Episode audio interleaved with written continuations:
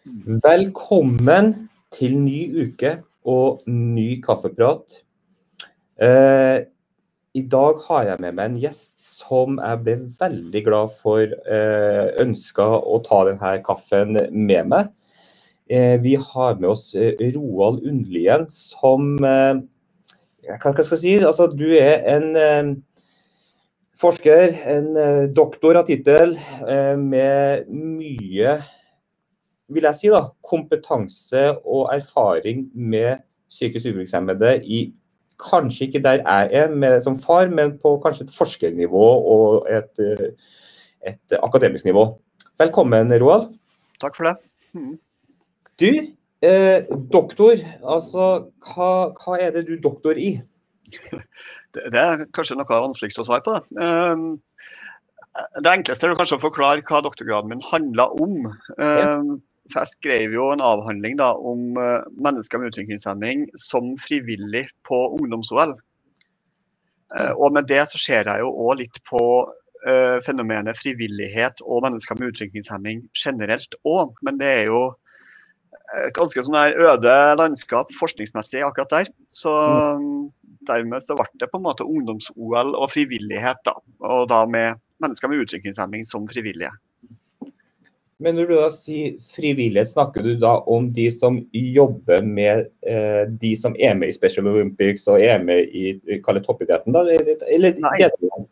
Da snakker jeg om dugnadshjelpa under arrangementet. Um, for her, da det ble arrangert ungdoms-OL her på Lillehammer, så gikk uh, arrangementskomiteen ganske bredt ut da, og sa at vi trenger folk som hjelper til med å arrangere og løse oppgaver på arrangementet vårt.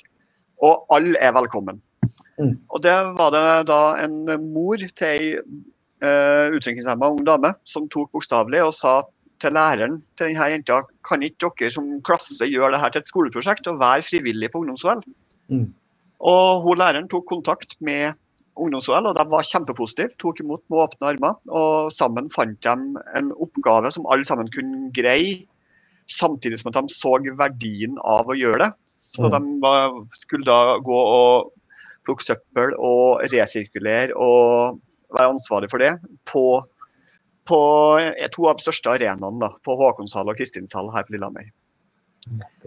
Og dem har jeg da uh, eh, intervjua i forkant av arrangementet. Og så gikk jeg sammen med dem under, observert og snakka med dem om hvordan de opplevde det å være frivillig på den måten. Og så snakka jeg med dem uh, nesten to år etter for å høre litt hvilke erfaringer de sitter igjen med når arrangementet er godt og vel ferdig. Ja. Hva, hva, hva var målsettinga da med det her forskningsprosjektet i forhold til, altså så spesifikt i forhold til frivillighet og eh, eh ungdoms-OL? Det var rett og slett eh, det jeg forska på, da, det var jo i hvordan grad ungdoms-OL fungerte som en sånn der katalysator, altså noe som får noe til å skje. Mm. Hvilken rolle var det, hadde liksom arrangementet til at uh, det her skjedde? I det hele mm. tatt. Mm. Hva var det ved ungdomsåret som gjorde at de tenkte uh, ja, det vil vi være med på. Mm. Og ikke f.eks. Uh, Birkebeinerrennet som er her hvert år, eller mm. andre som litt mindre arrangement. Mm.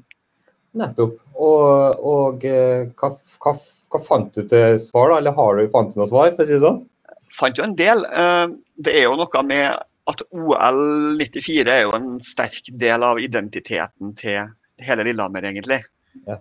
Og Det var nok litt det som var hovedmotivasjonen for bl.a. foreldre og lærere å tenke at nå når OL kommer tilbake, mm. så kan vi fortsette på den der suksesshistorien. Mm. Samtidig som at vi innfører suksesshistorien for en generasjon som ikke har noe forhold til det. Mm. Sånn at det var på en måte en sånn fornying av denne OL-identiteten som er så sterk. da. Mm. Og da hadde de jo i forkant av arrangementet så hadde man jo et tema om OL på skolen. sånn at de fleste elevene med utviklingshemming hadde en, et bilde av hva OL faktisk var og er. og ja, De kalte jo det her òg for OL. og De, de skilte jo ikke mellom ungdoms-OL og vanlig, vanlig, OL sånn sett. Nei. Men uh, det var like fullt en uh, Det er noe med X-faktoren som følger sånne OL-arrangement. da ja. Det er markedsføring, det er internasjonalt oppstyr, det er uniformer, ja, media, kjendiser. Det er noe litt ekstra. Nettopp. Mm. Men det var det, det var det, du på en måte Var det her du på en måte starta din eh, kalle forskningsvei? Eh, eller eh, hadde du erfaring på andre ting da? Uh, du kan si det her var det første jeg forska på som utover masternivå. Ja. Uh, men i mastergraden min så skrev jeg jo òg om utviklingshemming og idrett. Ja. Men da skrev jeg mer om uh, hvordan mennesker med utviklingshemming opplever idretten som en sosial arena. Mm -hmm. Og Da intervjua jeg tolv fotballspillere uh, om hvordan de opplevde det å spille fotball. Uh, om de, hvilke tanker de hadde om det å ha vært med på et internasjonalt uh, Special Olympics-arrangement der. Da, for De hadde deltatt i Beijing i, i fotball. Mm som lag der. Og rett og slett litt hvordan erfarte de det? Hvordan så de seg selv som toppidrettsutøvere, som noe litt annet? Så de, hvordan, hvordan ser man seg da, inni denne idrettskonteksten? Mm. Så det var der det begynte.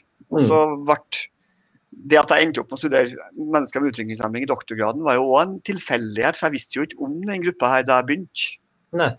Så det lå jo lenge an til at jeg bare skulle, bare skulle snakke med en uh, altså vanlig skoleungdom som skulle være frivillig. Ja. Og den tanken syns jeg jo ikke var veldig motiverende. Nei. For det er jo ikke det jeg er interessert i. Nei. Og, og, og, før jeg egentlig spør litt hvorfor, jeg vil gå litt dypere inn for men, men, men den masteroppgaven høres så spennende ut fordi Eh, det begynner å bli veldig populært, eller begynner, det har sikkert vært populært i veldig veldig mange år, men det er i hvert fall veldig populært med disse her para-arrangementene eh, og, og eh, kalle, altså, idrett, toppidrett, eh, idrettssatsing på barn og unge med psykisk utviklingshemming. Eh, og, og, du forsker jo på det i forhold til de som var med på Special Olympics bl.a. Hvordan så de på seg sjøl? Ja, det her var jo i 2005 de deltok. Jeg mm. skrev masteroppgaven i 2008. Mm. Så det her er jo en del år tilbake, og det har jo skjedd veldig mye siden. da. Mm. Men den gangen, uh, de, var, de, de var Norge. Altså de var et landslag i sine Mange av dem i hvert fall, da, i sine mm. øyne. Uh, og så syns de var, Noen syntes det var litt rart at de kunne få en sølvmedalje selv om de tapte alle kampene sine, f.eks. Ja. Uh, mens andre mente at det var en sølvmedalje som var høyst fortjent. Uh, sånn at de hadde litt ulike oppfatninger av hvordan det her ble, og hvordan, hvordan det ble arrangert. Så de, de, hadde ganske mye tanker altså, rundt sin deltakelse.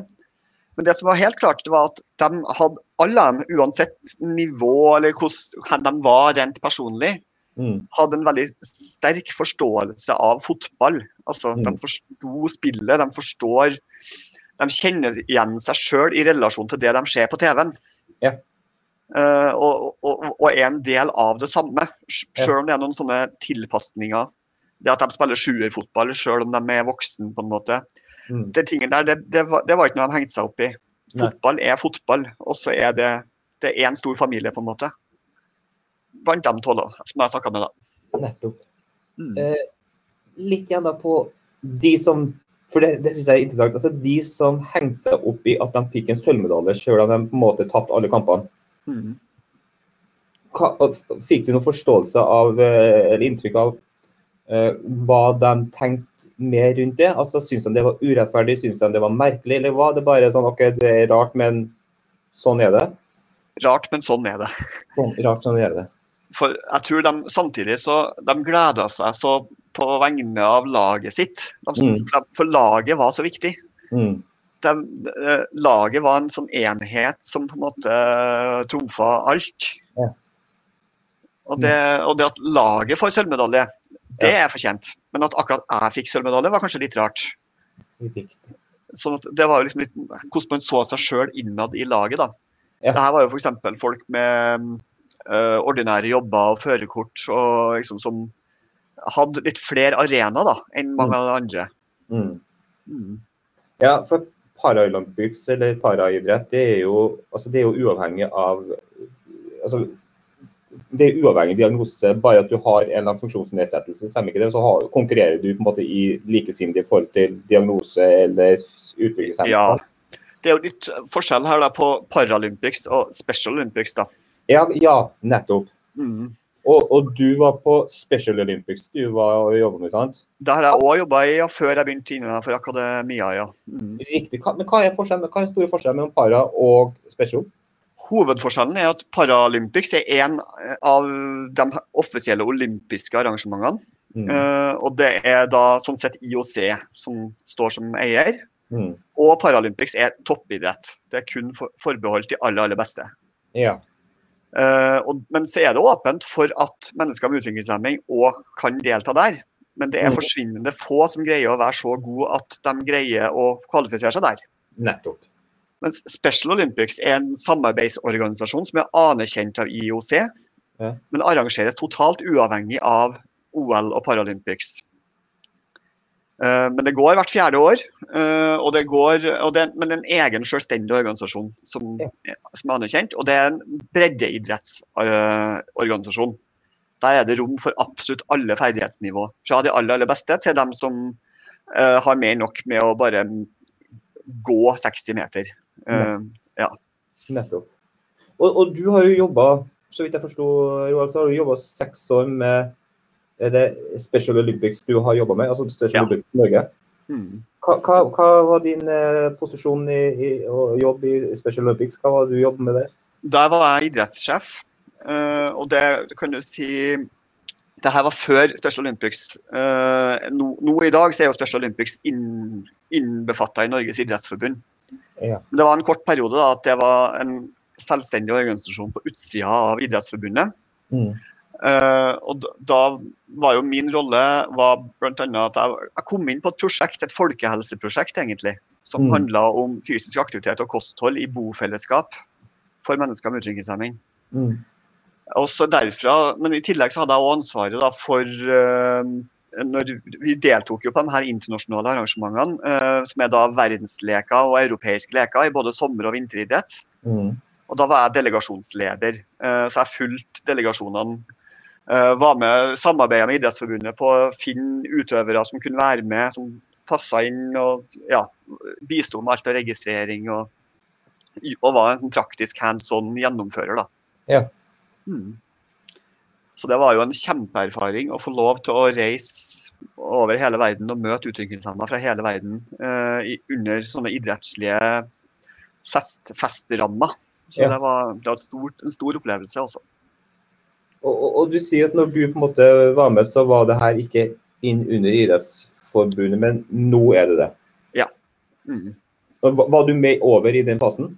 Nei, eh, det skjedde etter at jeg eh, gikk ut derfra, da, kan du si. Det var en egen prosess som gikk helt uavhengig av det jeg var med på. Mm. Men med, med, at det gikk da, eller da lagt under Idrettsforbundet nå, altså, jeg vil jo anta for at det har noen fordeler, men, men, hva vil du si er de klareste fordelene og, og, styrkene med at det er på en måte lagt under eh, selve forbundet nå? Fordelene er at det, eh, det er jo Idrettsforbundet som har best oversikt over uh, hvor det foregår aktivitet. Mm. Eh, og de har en helt annen forutsigbarhet i budsjettene sine og rammene sine enn det vi hadde som selvstendig organisasjon. Mm. Og, og, de har mye kompetanse, ikke minst, på ja. idrett for denne målgruppa. Mm. Hjelper det i forhold til å drive da altså den type idrett for psykisk utviklingshemmede rundt i distriktene også? Altså er, det, er, det, er, det, lettere å organisere, det lettere å kalle det profesjonalisere da? Uh, nå må jeg bare uttale meg på sånn at jeg, ja, jeg tror, da. Mm. Ja.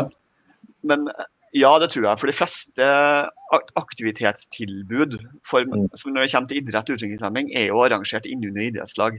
Mm. Um, sånn, sånn, sett så tror jeg nok at det er en fornuftig løsning, ja. Det tror jeg. Mm. Og så er det alltid noen da som uh, noen idrettslag der det kanskje der terskelen er litt større for å inkludere og ta, ta imot altså denne gruppa. men mm jeg, har inntrykk av at mye har skjedd også siden jeg var veldig aktiv i den der uh, debatten. Ja. Og da det til det positive. Til det positive, ja. Mm. Ja, for jeg ser jo bare, altså Vår, eh, vår datter Milla eh, med Downs syndrom hun er jo med i, i turn. Eh, og, og, bare sånn kjapt, Du sa jo det forskjell på Paralympics og, para, nei, og Special Olympics, men, men turngruppa, eller turen hun driver med, er jo paraturn. Ja. Har det noen sammenheng? Det der er også et godt spørsmål. Eh, jeg ser at det er flere og flere eh, grupper som har fått inn para i navnet. Ja. Og det er vel nettopp for å synliggjøre at eh, du har muligheten til å gå inn i Paralympics.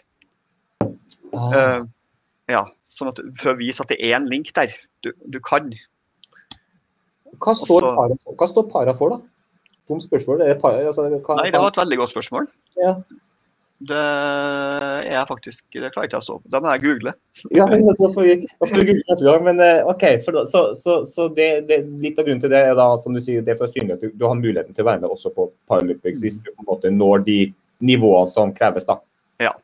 Mm. Eh, Men du sa du, du, du var litt sånn innom det der med eh, bolig og kosthold og da idrett, da, ikke sant. Eh, hva, hva tenker du, er det, eh, Hvor viktig er det egentlig at vi klarer å få med våre barn til å være, ha en aktiv fysisk hverdag og selvfølgelig kosthold, men eh, uten at du er noen klinisk lege eller, eller ernæring, men, men hva tenker du rundt det?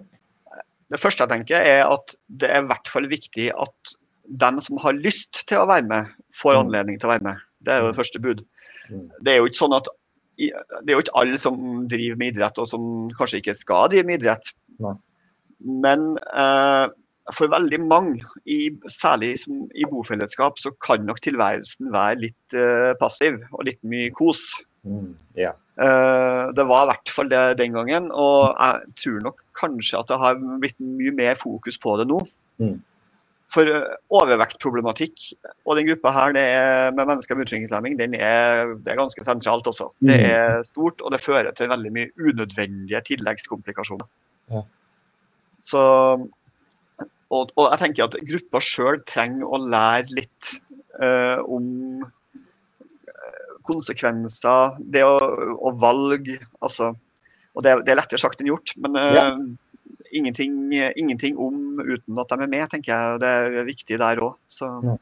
Nei, Det er jo litt samme i samfunnet ellers, det. Eh, og nå som vi har vært gjennom 12 måneder snart, eller 13 måneder med, med innesitting og, og covid, så, så klart at vi kjenner på det med viktigheten av å bevege oss. Og, og som du sier, det er jo sikkert da vel så viktig for de med psykisk utviklingshemming. Det er jo ulike årsaker til at de også legger på seg pga. stoffskifte og sånn, men, men, men andre grunner. Men, men da er det jo veldig viktig å legge til rette for aktivitet, fysisk aktivitet. Mm. Lystbetont og artig fysisk aktivitet. Ikke sant? Men føler du at fra du holdt på og til i dag, jeg var litt innom, den, altså, har det blitt mer fokus på det? På, på, på fysisk aktivitet, idrett for, for psykisk utviklingshemmede? Legges det mer til rette? Jeg tror at jeg sier et forsiktig ja til det. Mm. Eh, hvis- hvis jeg skal ta ett mål, da, så tenker Mm. jeg Jeg jobber jo nå på vernepleierutdanninga her Ja. på eh, Lillehammer. Mm. Hvis Hvis ser antall bacheloroppgaver hvert år, eh, som, der vernepleierne som da hvert øyeblikk er ferdig, ønsker å fordype seg i å skrive om fysisk aktivitet, kosthold og utviklingshemming, Mm. så, så er den kurva rimelig bratt. Så det vil si at for hvert, ene, for hvert år så syns jeg bare det kommer flere og flere som fatter interesse for det her feltet. Ja. Og det vil jo også si at det kommer flere og flere folk utdannet herfra, ut i, i bofellesskap, ut i arenaen, som har en, et engasjement og en interesse for akkurat dette her. Ja. Sånn at jo, jo flere fagfolk vi får som setter fokus på det, jo bedre blir det jo. Det tror jeg. Det er en viktig del av det. Det, det syns jeg jo er kjempeviktig. Eh, for jeg tror det er veldig mange av oss foreldre når vi får barn med psykisk utviklingshemming, og det er litt av det som ligger i bakhodet. Det er jo det der med overvekt og tilleggssykdommer og, og, og, og selvstendigheten som kommer rundt det. Og, så er det noe med sosialiseringa, inkluderinga og, Jeg vet ikke om du har sett noe på det i forskninga men altså jeg tror jo det har også en veldig god virkning på også selvfølgelig disse barn og ungdommene også i forhold til det å føle seg eh, i et miljø, da, er, er veldig viktig for, for det å ha et godt liv. Mm. Ikke bare, det, ikke bare det matlige, men også det fysiske og det sosiale. Det henger sammen for oss alle mennesker. Vi er jo, vi er jo like, der er vi jo helt like, tenker jeg. Mm. Mm. Um, men det her er jo, det her er jo interessant. og du, si, du, Nå sa du jo jaggu at du, altså, du driver og underviser på vernepleien i, på, på, Østlandet, eh, på Innlandet, sant? Høgskolen i Innlandet heter vi nå, ja. Før Ja. Høgskolen i Lillehammer. Mm. Og eh, jeg har jo hatt en del gjester her nå i kaffepratene, og det viser seg jo gang på gang, uansett hva de jobber, om de jobber i administrasjon i kommunene, eller de jobber ute i felt, eller de jobber som logopeder, eller, eller hvor de er, så kommer de fra vernepleien, stort sett alle sammen. Og Jeg stiller meg spørsmålet hvorfor valgte du vernepleien? Og det, alle har jo en historie som jeg sa, man har en historie, personlig historie som egentlig kanskje ikke har tenkt på, men som har gjort at de har valgt den retningen. Hva vil du si er kanskje litt voldsomt å, å ta, da, men hva vil du si er grunnen, eller den gjengse vernepleierstudent, hva, hva tenker du er grunnen til at de velger vernepleien, de fleste? De fleste sier at de har et ønske om å jobbe med folk. Mm. Og vernepleierutdanninga har jo blitt litt bredere, og ikke minst bruksområdet kan du si da, for vernepleiere har blitt litt bredere. Mm. Eh, Du har nå ganske mange muligheter. da. Du kan jobbe innenfor skole, psykiatri, rus og da mennesker med utviklingshemming. Ja. Sånn at jeg tror nok det er det som appellerer til veldig mange, for vi har jo voldsomt mange søkere. Det er veldig mange som vil bli vernepleiere. Ja. Og det tror jeg er nøkkelen ligger der. At du, du kan si de jobber jo med utfordrende atferd, uh, uavhengig av hva som ligger til grunn for den atferden. Mm. Og så, så, ja, så er det jo litt som hva er det som gjør atferden utfordrende? Jo, det er at det kanskje ikke passer helt inn i sånn som samfunnet er organisert i dag. Mm.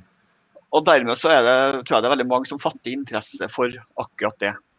Hva er det vi kan gjøre eh, for, å, ja, for å øke normaliteten til ei gruppe? Ja. Og så er det veldig mange som har en eh, søster, bror, venn eh, med en, en eller annen form som på en måte får pensla dem litt inn på det her sosiale perspektivet. da. Ja. Mm. Ja, Det ligger vel noe i de menneskene, tenker jeg. For det var bl.a. ei her da, som gjest. altså Det var et helt tilfeldig møte. Hun jobba som i kassa på Rimi og, og, og traff en, en mann med Downs syndrom, tror jeg. Og, og det var noe i han som vekka hun en, en interesse med at her har jeg lyst til å jobbe med. Mm. Så kjempespennende. Men da, da lurer jeg jo litt på altså, eh, Selv om du nå underviser på vernepleie, men du, du, du har jo alt som går stort sett videre, som går på forskning, om alt fra masteren din til doktoren du jobber med i dag, går jo innenfor samme tematikken. Hva, hva, hva er grunnen til at du har fatta interessen for det? Er det tilfeldigheter, eller har du noe der du òg? Det er så tilfeldig, det. Um, det hele starta vel egentlig den sommeren jeg, mens jeg var 17 år og syntes at det var en god idé å ikke ha sommerjobb. Mhm. For jeg tenkte at nå er jeg lei. Nå, den sommeren her skal jeg bare sove og feste og ikke tenke på noe arbeid, for det er kjedelig, tenkte jeg. Mm. Men mamma var ikke helt enig i det.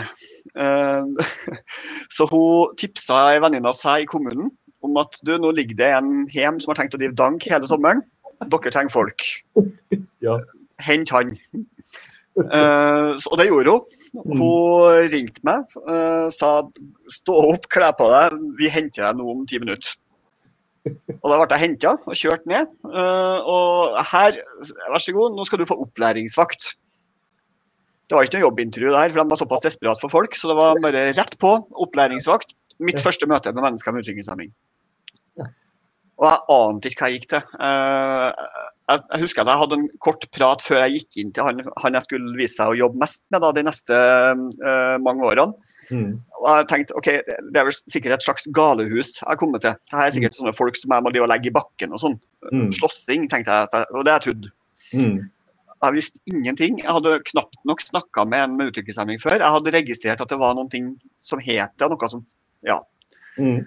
Og da møtte jeg da han som jeg skulle jobbe med de, i ganske mange år fremover. Og det, han var en mann uh, i 30-årene som ikke hadde noen sånn voldsomme kommunikasjonsferdigheter. Han hadde en del tegn som han kunne bruke. Uh, og så Ja, han skulle jeg jobbe med. Det var, og han hadde jo da en sånn én-til-én-oppfølging, så da, var det, da, da hadde man bare han som man ble egentlig ganske godt kjent.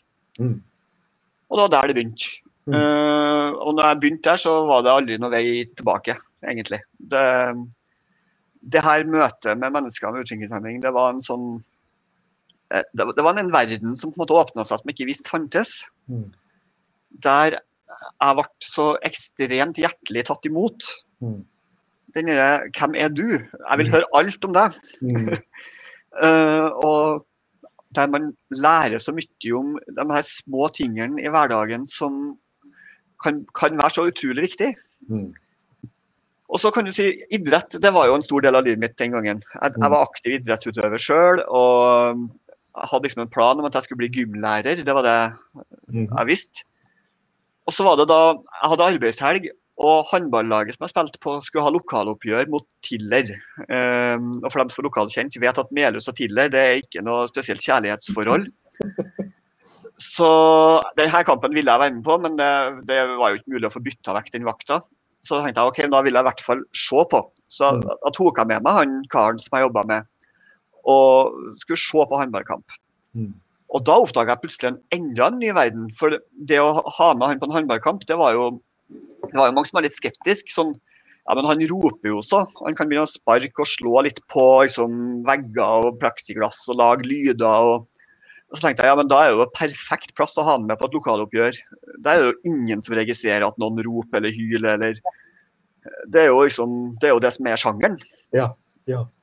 Så der var jo ikke han noe unormal i det hele tatt. Han kunne bare rope som han ville. Det var ingen som hørte det. Um, og, så i pausen så tenkte jeg da må vi jo gjøre noe. Så da, siden jeg var spiller på laget, så var det ikke noe problem for meg å ta med han ned på banen.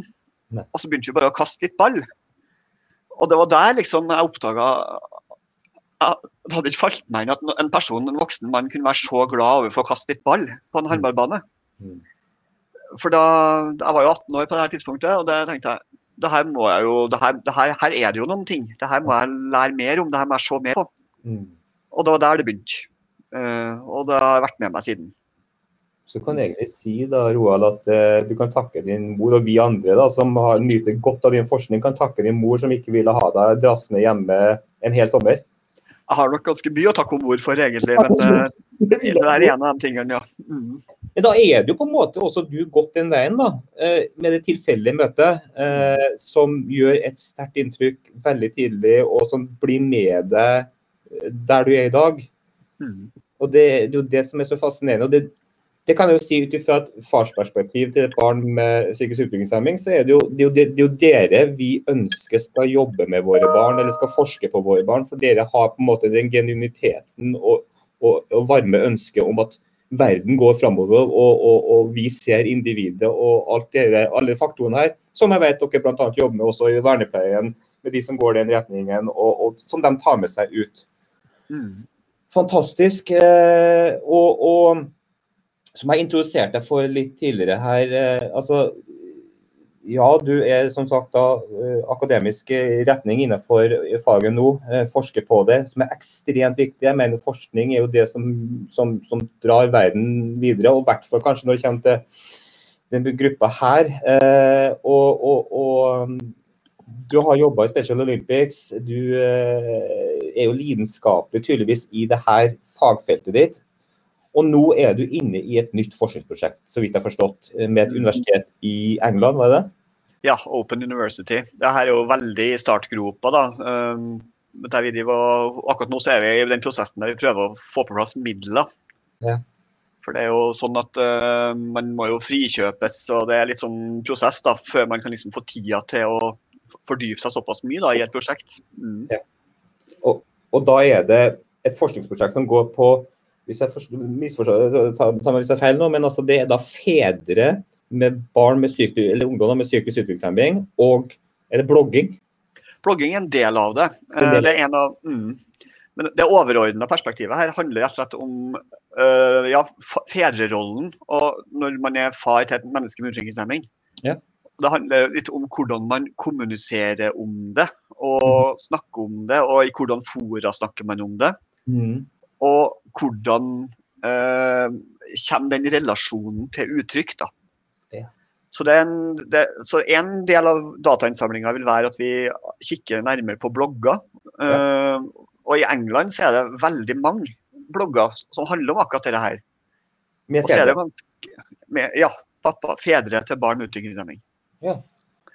Så Det er egentlig ganske få her, eh, sammenligna med England. Eh, men det kan nok tenkes for at vi bruker nok sosiale medier mer enn blogging som, som plattform.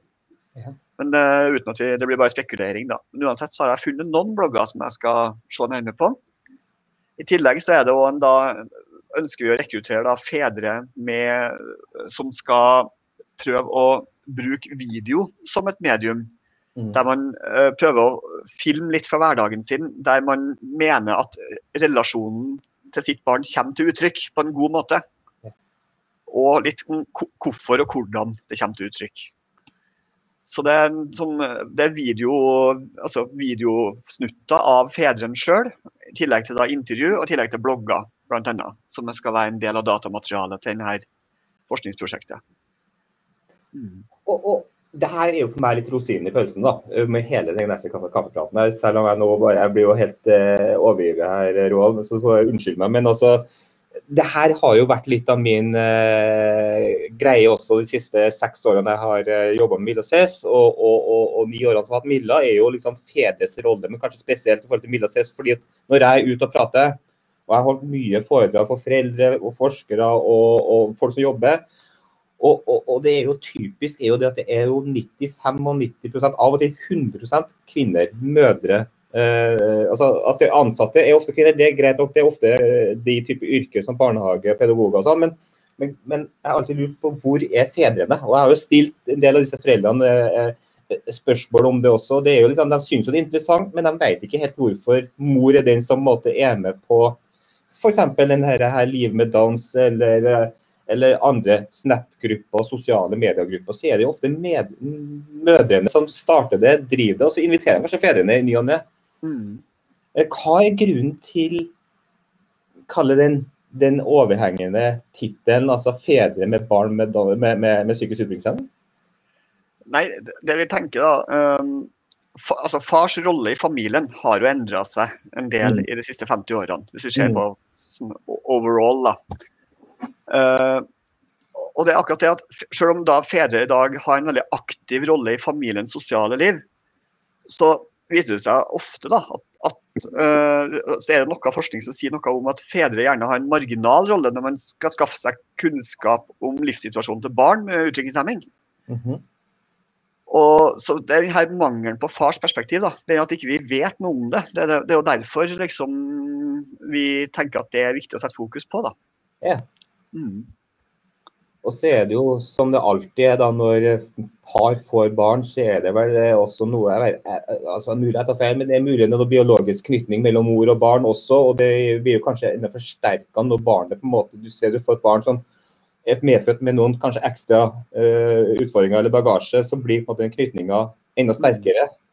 Kanskje slipper man ikke alltid far til heller, jeg vet ikke. Det er jo ulikt der også, selvfølgelig. Men uh, det der syns jeg er utrolig spennende. da. Det er et veldig spennende prosjekt som vi håper vi får uh, komme i gang med. Mm.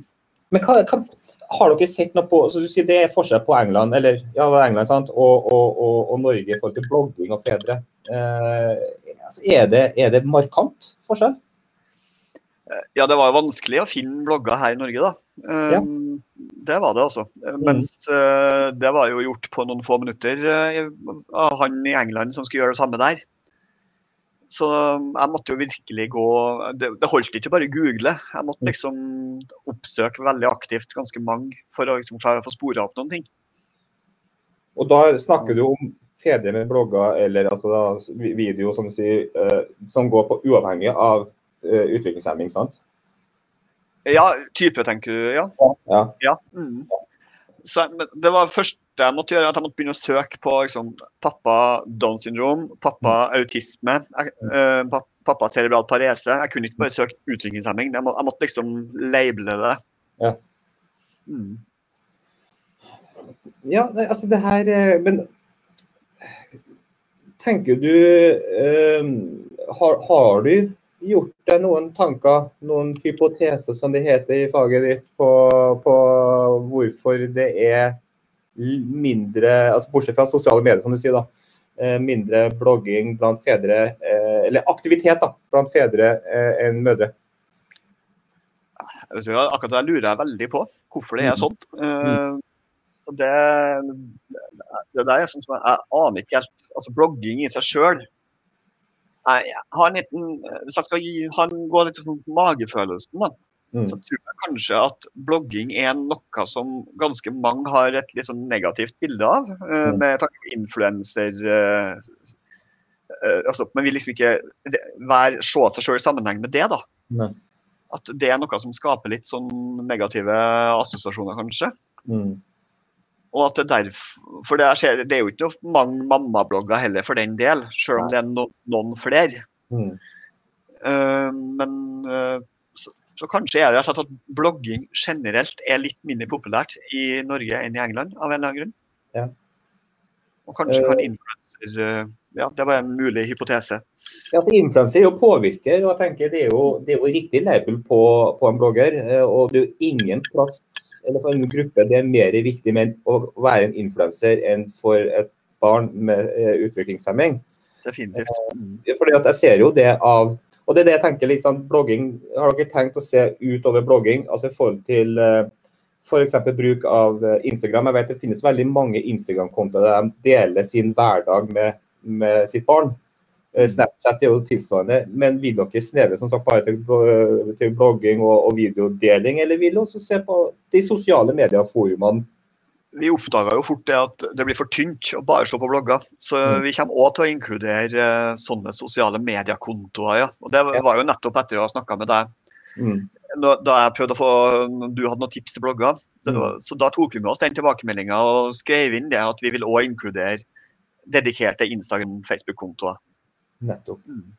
Ja, For Det som jeg ser der, da, Roald, er jo det at er jo litt samme som, eh, som du har oppdaga med, med blogging, eller, i, altså, eller generelt for, forholdet med mor og far her, at det finnes veldig mange, eh, altså mange i den grad som det går an i forhold til antallet, men, men mødre som deler sin hverdag i det som jeg kaller altså, følg Kari med dans, eller følg Petter med uh, Selba Perez f.eks. Altså, det finnes mange Instagram-kontoer der de deler hverdagen sin. Og det finnes Mm. Snap-kontoer som er med mange mødre, uh, f.eks.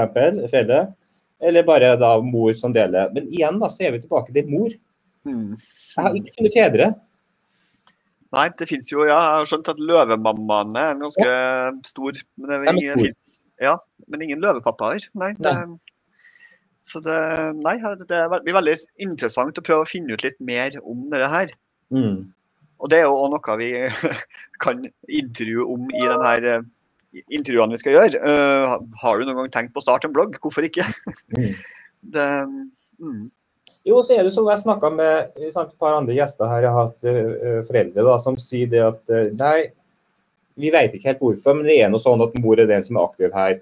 Men jeg har en, den og den rollen. altså Min rolle er kanskje å være litt mer bak, være den som holder måte, ting litt oppe. altså Kanskje gjøre de praktiske tingene, sende søknadene. altså Det kan være at far tar en annen rolle enn å være den nyhetsankeret som på en måte publiserer hverdagen. da. absolutt. Absolutt. Det, gjennom jobben jeg hadde i Special Olympics, så hadde jeg jo veldig mye med foreldre å gjøre. Ja. Til de som skulle være med i delegasjoner rundt omkring. Mm. Og jeg, det, var ingen skjevfordeling på kjønn på hvem jeg hadde med å gjøre der. Altså. Kanskje var det nesten sånn at jeg ofte hadde med far å gjøre enn med mor. Men, eh, men det var en sånn, i så fall marginalt. Så jeg tror nok ikke det er et, et tegn på at far ikke er involvert. Nei. Den er Men, involvert på en måte. Ja, jeg tror nok det, altså. Det tror jeg. Og du ser jo, altså du ser jo kanskje igjen da, litt sånn finger i lufta, men altså hvis du ser foreldre til barn generelt, da. Så på fotballbanen, hvis du tar det, da. sånn at Du har jo det med idrett, eh, og, og, og, og det er vel også ofte sånn at der er det kanskje far som er den pådriveren til å være følge opp barnet altså eh, mest, da. Tettest, kanskje. Eh, Mens da tar mor en annen rolle i hjemmet. Eh, litt sånn stereotypt sagt, selvfølgelig, men, men altså, nå er jo jeg fotballfar sjøl og ser jo at det er jo stort sett fedrene som står langs treningsfeltet eller kampfeltet, sant? og så kjører og henter. Mm. Nei, jeg tenker noe på, jeg har jo sjøl to gutter, og vi, hvordan vi har løst det i hjemmet vårt. Det blir jo fort sånn at jeg følger på den ene treninga, og da er det bare jeg som er med på den, og så er den ene ungen, og så er hun bare på den andre. Mm. Ja, for da, er vi liksom, da vet vi hvordan ting er. Og, ja, det, blir, det er jo noe med prak praktiskhet her òg. Ja.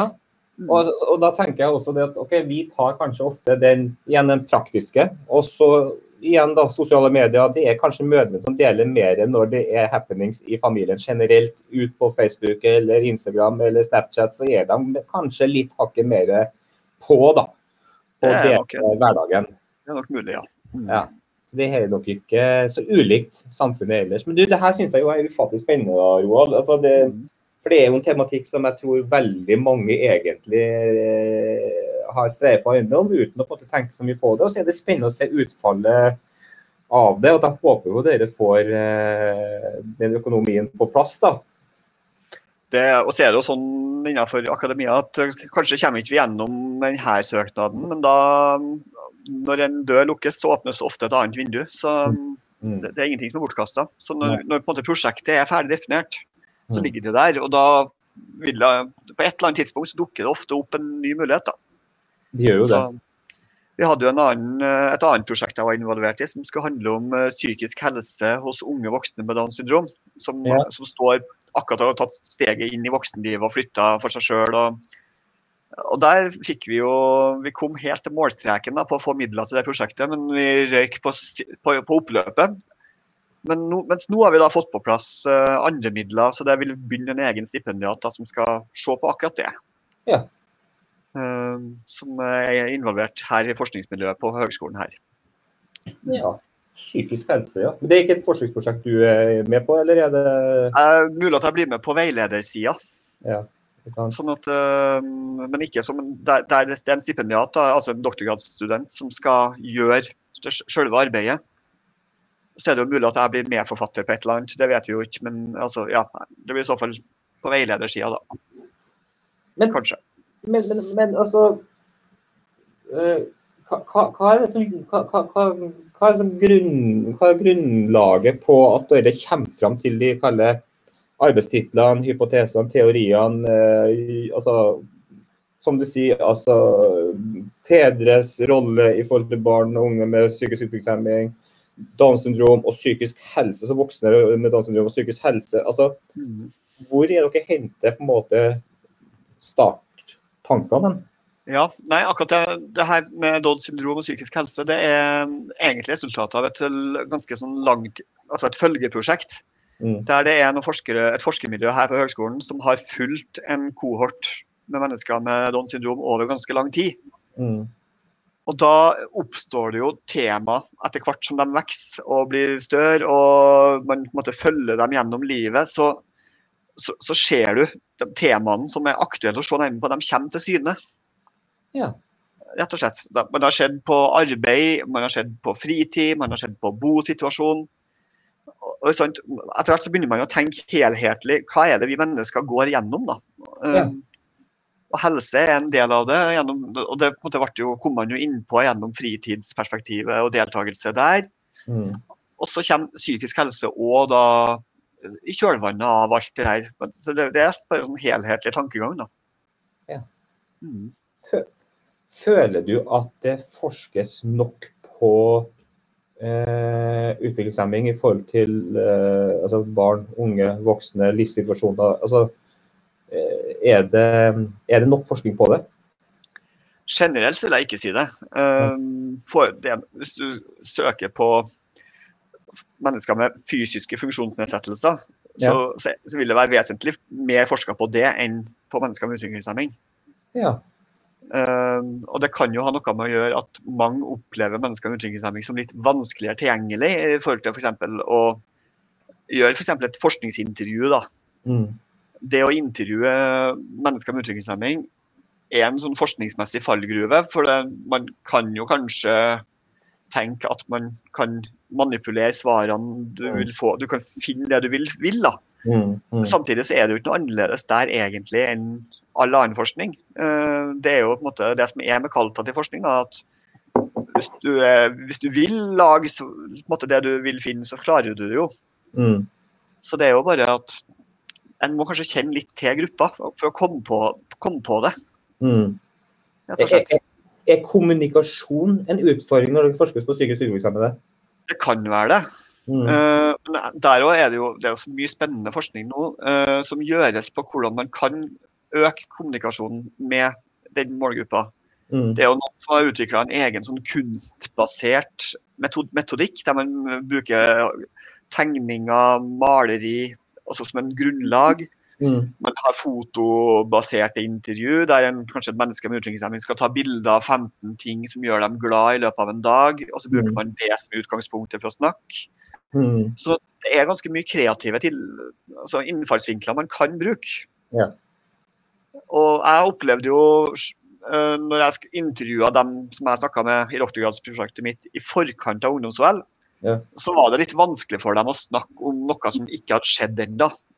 Om som, noe som skulle skje i framtida som de egentlig ikke visste så mye om. Mm. Men så uh, snakka jeg med dem mens de gjorde det, og da fikk jeg jo en helt annen dybde i intervjuene. Mm. Og så klart det blir Enkelte har jo ikke så mye ta, altså vokalt språk. uh, men eh, så, så tolkninga mi blir jo ganske viktig. Ja. Men da gjelder jo bare at jeg som forsker er litt ærlig og redelig på det, og skriver hvor- beskriver hvordan jeg tenker. Mm. Og så er det jo opp til leseren om det virker som at det gir mening eller ikke. Ikke sant. Mm. Så det er litt mer tidkrevende, da, kan du si, uh, i prosessen. Ja. Uh, Du kan si jeg hadde jo tolv informanter, da, mer eller mindre, i mitt Altså, jeg hadde jo noen flere, da, men tolv hovedinformanter, egentlig. Mm. Og I et va vanlig doktorgradsprosjekt så kan det bli sett på som ganske få. Ja. Og i hvert fall hvis du attpåtil legger til hvor lenge hvert enkelt intervju varte. Mm. Et intervju kunne jo vare ned til åtte minutter. Ja. Og det er ganske lite, men det blir sagt ganske mye med, mellom ordene og ja. Mm. Hva, hva, hva tenker du den forskninga du har vært med på nå i forhold til f.eks. Special Olympics, men, eh, men også i forhold til den forskninga du eh, håper å få satt i gang nå, eller det med mental helse som dere håper å få satt i gang. Eh, hva, hva, er den kan til, altså, hva er sånn type forskning kan tilføre samfunnet det ene, men også hva kan tilføre f.eks. Milla? da? Kan det tilføre Milla noe? Som er ni år i dag, liksom, med Downs syndrom? Jeg tenker at forskning Den vi lærer mer om Mm. uh, de her målgruppa, kan Mm. bidra til at man i større grad altså Man får økt kunnskap om det. Mm. F.eks.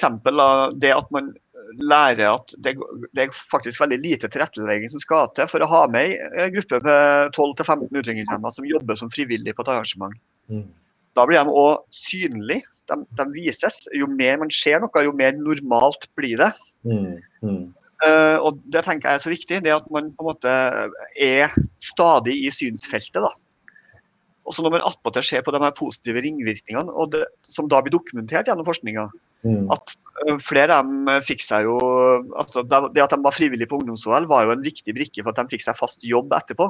Ja. Og det har jeg nå da dokumentert gjennom denne forskninga. Mm. Da kan andre lese det og se jaså, så det går an. Mm. Og kanskje ser man muligheter man før ikke så. Mm. Så jeg tenker det, det, er jo, det at det har vært OL, olympisk arrangement, det er jo selvsagt noe som gjør det litt spesielt. Men det hadde også vært kjempespennende å se hva kunne ha skjedd av ringvirkninger dersom man deltok på klubbmesterskapet til Vingrom IL. Mm. Uh, bare for å liksom, For det er garantert noen positive ringvirkninger som kommer ut av det òg. Mm. Det at mennesker møtes, snakker sammen, blir kjent. Mm. Det er jo da mulighetene oppstår.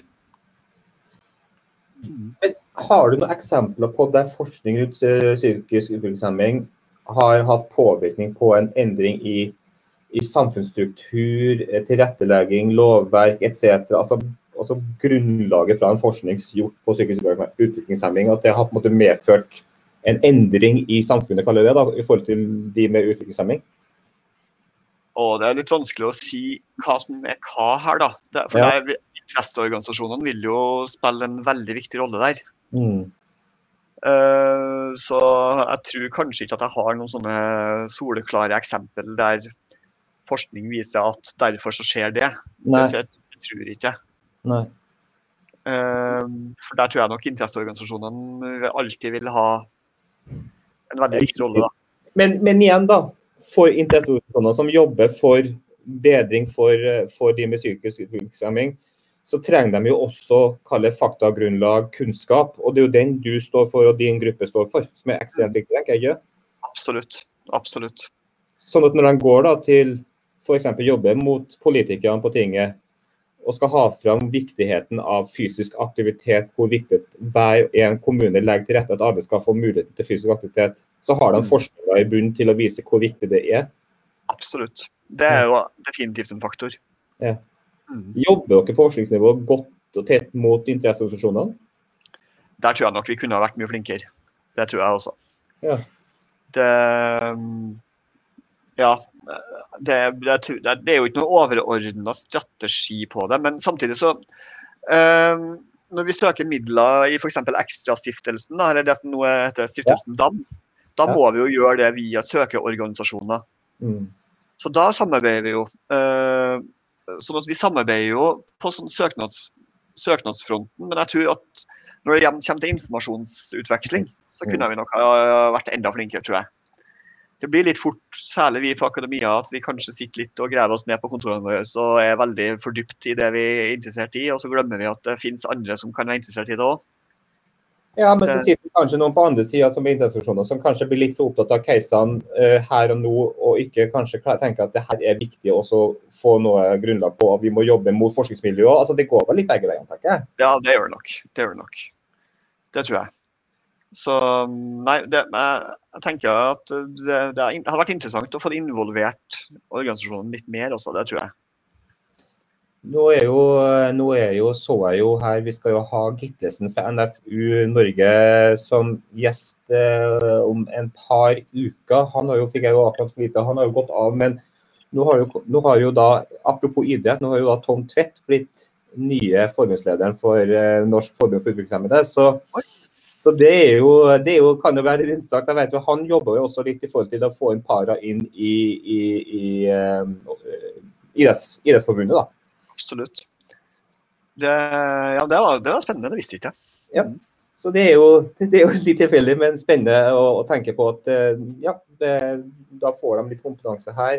Um, tenker jeg, NFU er jo selvfølgelig det er den store uh, interesseorganisasjonen for, for utviklingshemmede. Uh, og så tenker jeg jeg har jo tanker at kanskje vi burde ha hatt litt mer også litt sånn helhetlig eh, samarbeid mellom alle. For det finnes jo mange små eh, interesseorganisasjoner også. Eh, sånn at det gjør det lettere for oss brukere, men også lettere for dere forskere å, å komme i kontakt med interesseorganisasjonene. tenker jeg. Men det er jo det er mer mine tanker, da. Ja. Eh, du Roald, nå ser jeg jo her at eh, den timen her den går jo eh, knakende fort, og vi kunne jo sittet mye lenger. For det her er jo mye jeg brenner for. og Jeg syns det er ufattelig spennende. Jeg håper så inderlig at dere får igjennom eh, det her, det her eh, med, med, fedre og, og utviklingshemmede sammen med England. Så, så, hvis folk hører på den podkasten, så, så håper jeg de tar kontakt med deg eller miljøet ditt, og, og sprer eh, og gir beskjed om både blogger og sosiale mediekontoer, og stiller seg til disposisjon for forskning, det tar oss videre, tenker jeg. Jeg uh, fikk forresten uh, en her nå ser jeg på en på, på kommentar under sendinga her, så er det ei som har faktisk søkt opp para. Det er et prefiks som betyr ved siden av, utenfor, i tillegg. Så da, da, fikk vi den. Da fikk vi den på slutten. Ja. du, eh, Roald, tusen takk for uh, at du deltok uh, og tok den kaffepraten med meg. Det var kjempekjekt. Eh, så får du lykke til videre med forskningsprosjektene dine. Tusen takk. Og ikke minst gjør en god Fortsett å jobbe godt i vernepleiere og få flere dyktige vernepleiere ut, for det trenger vi. Det har jeg tenkt å prøve å gjøre. Og tusen takk for meg. Takk for at jeg fikk være her. Kjempeartig. Veldig kjekt.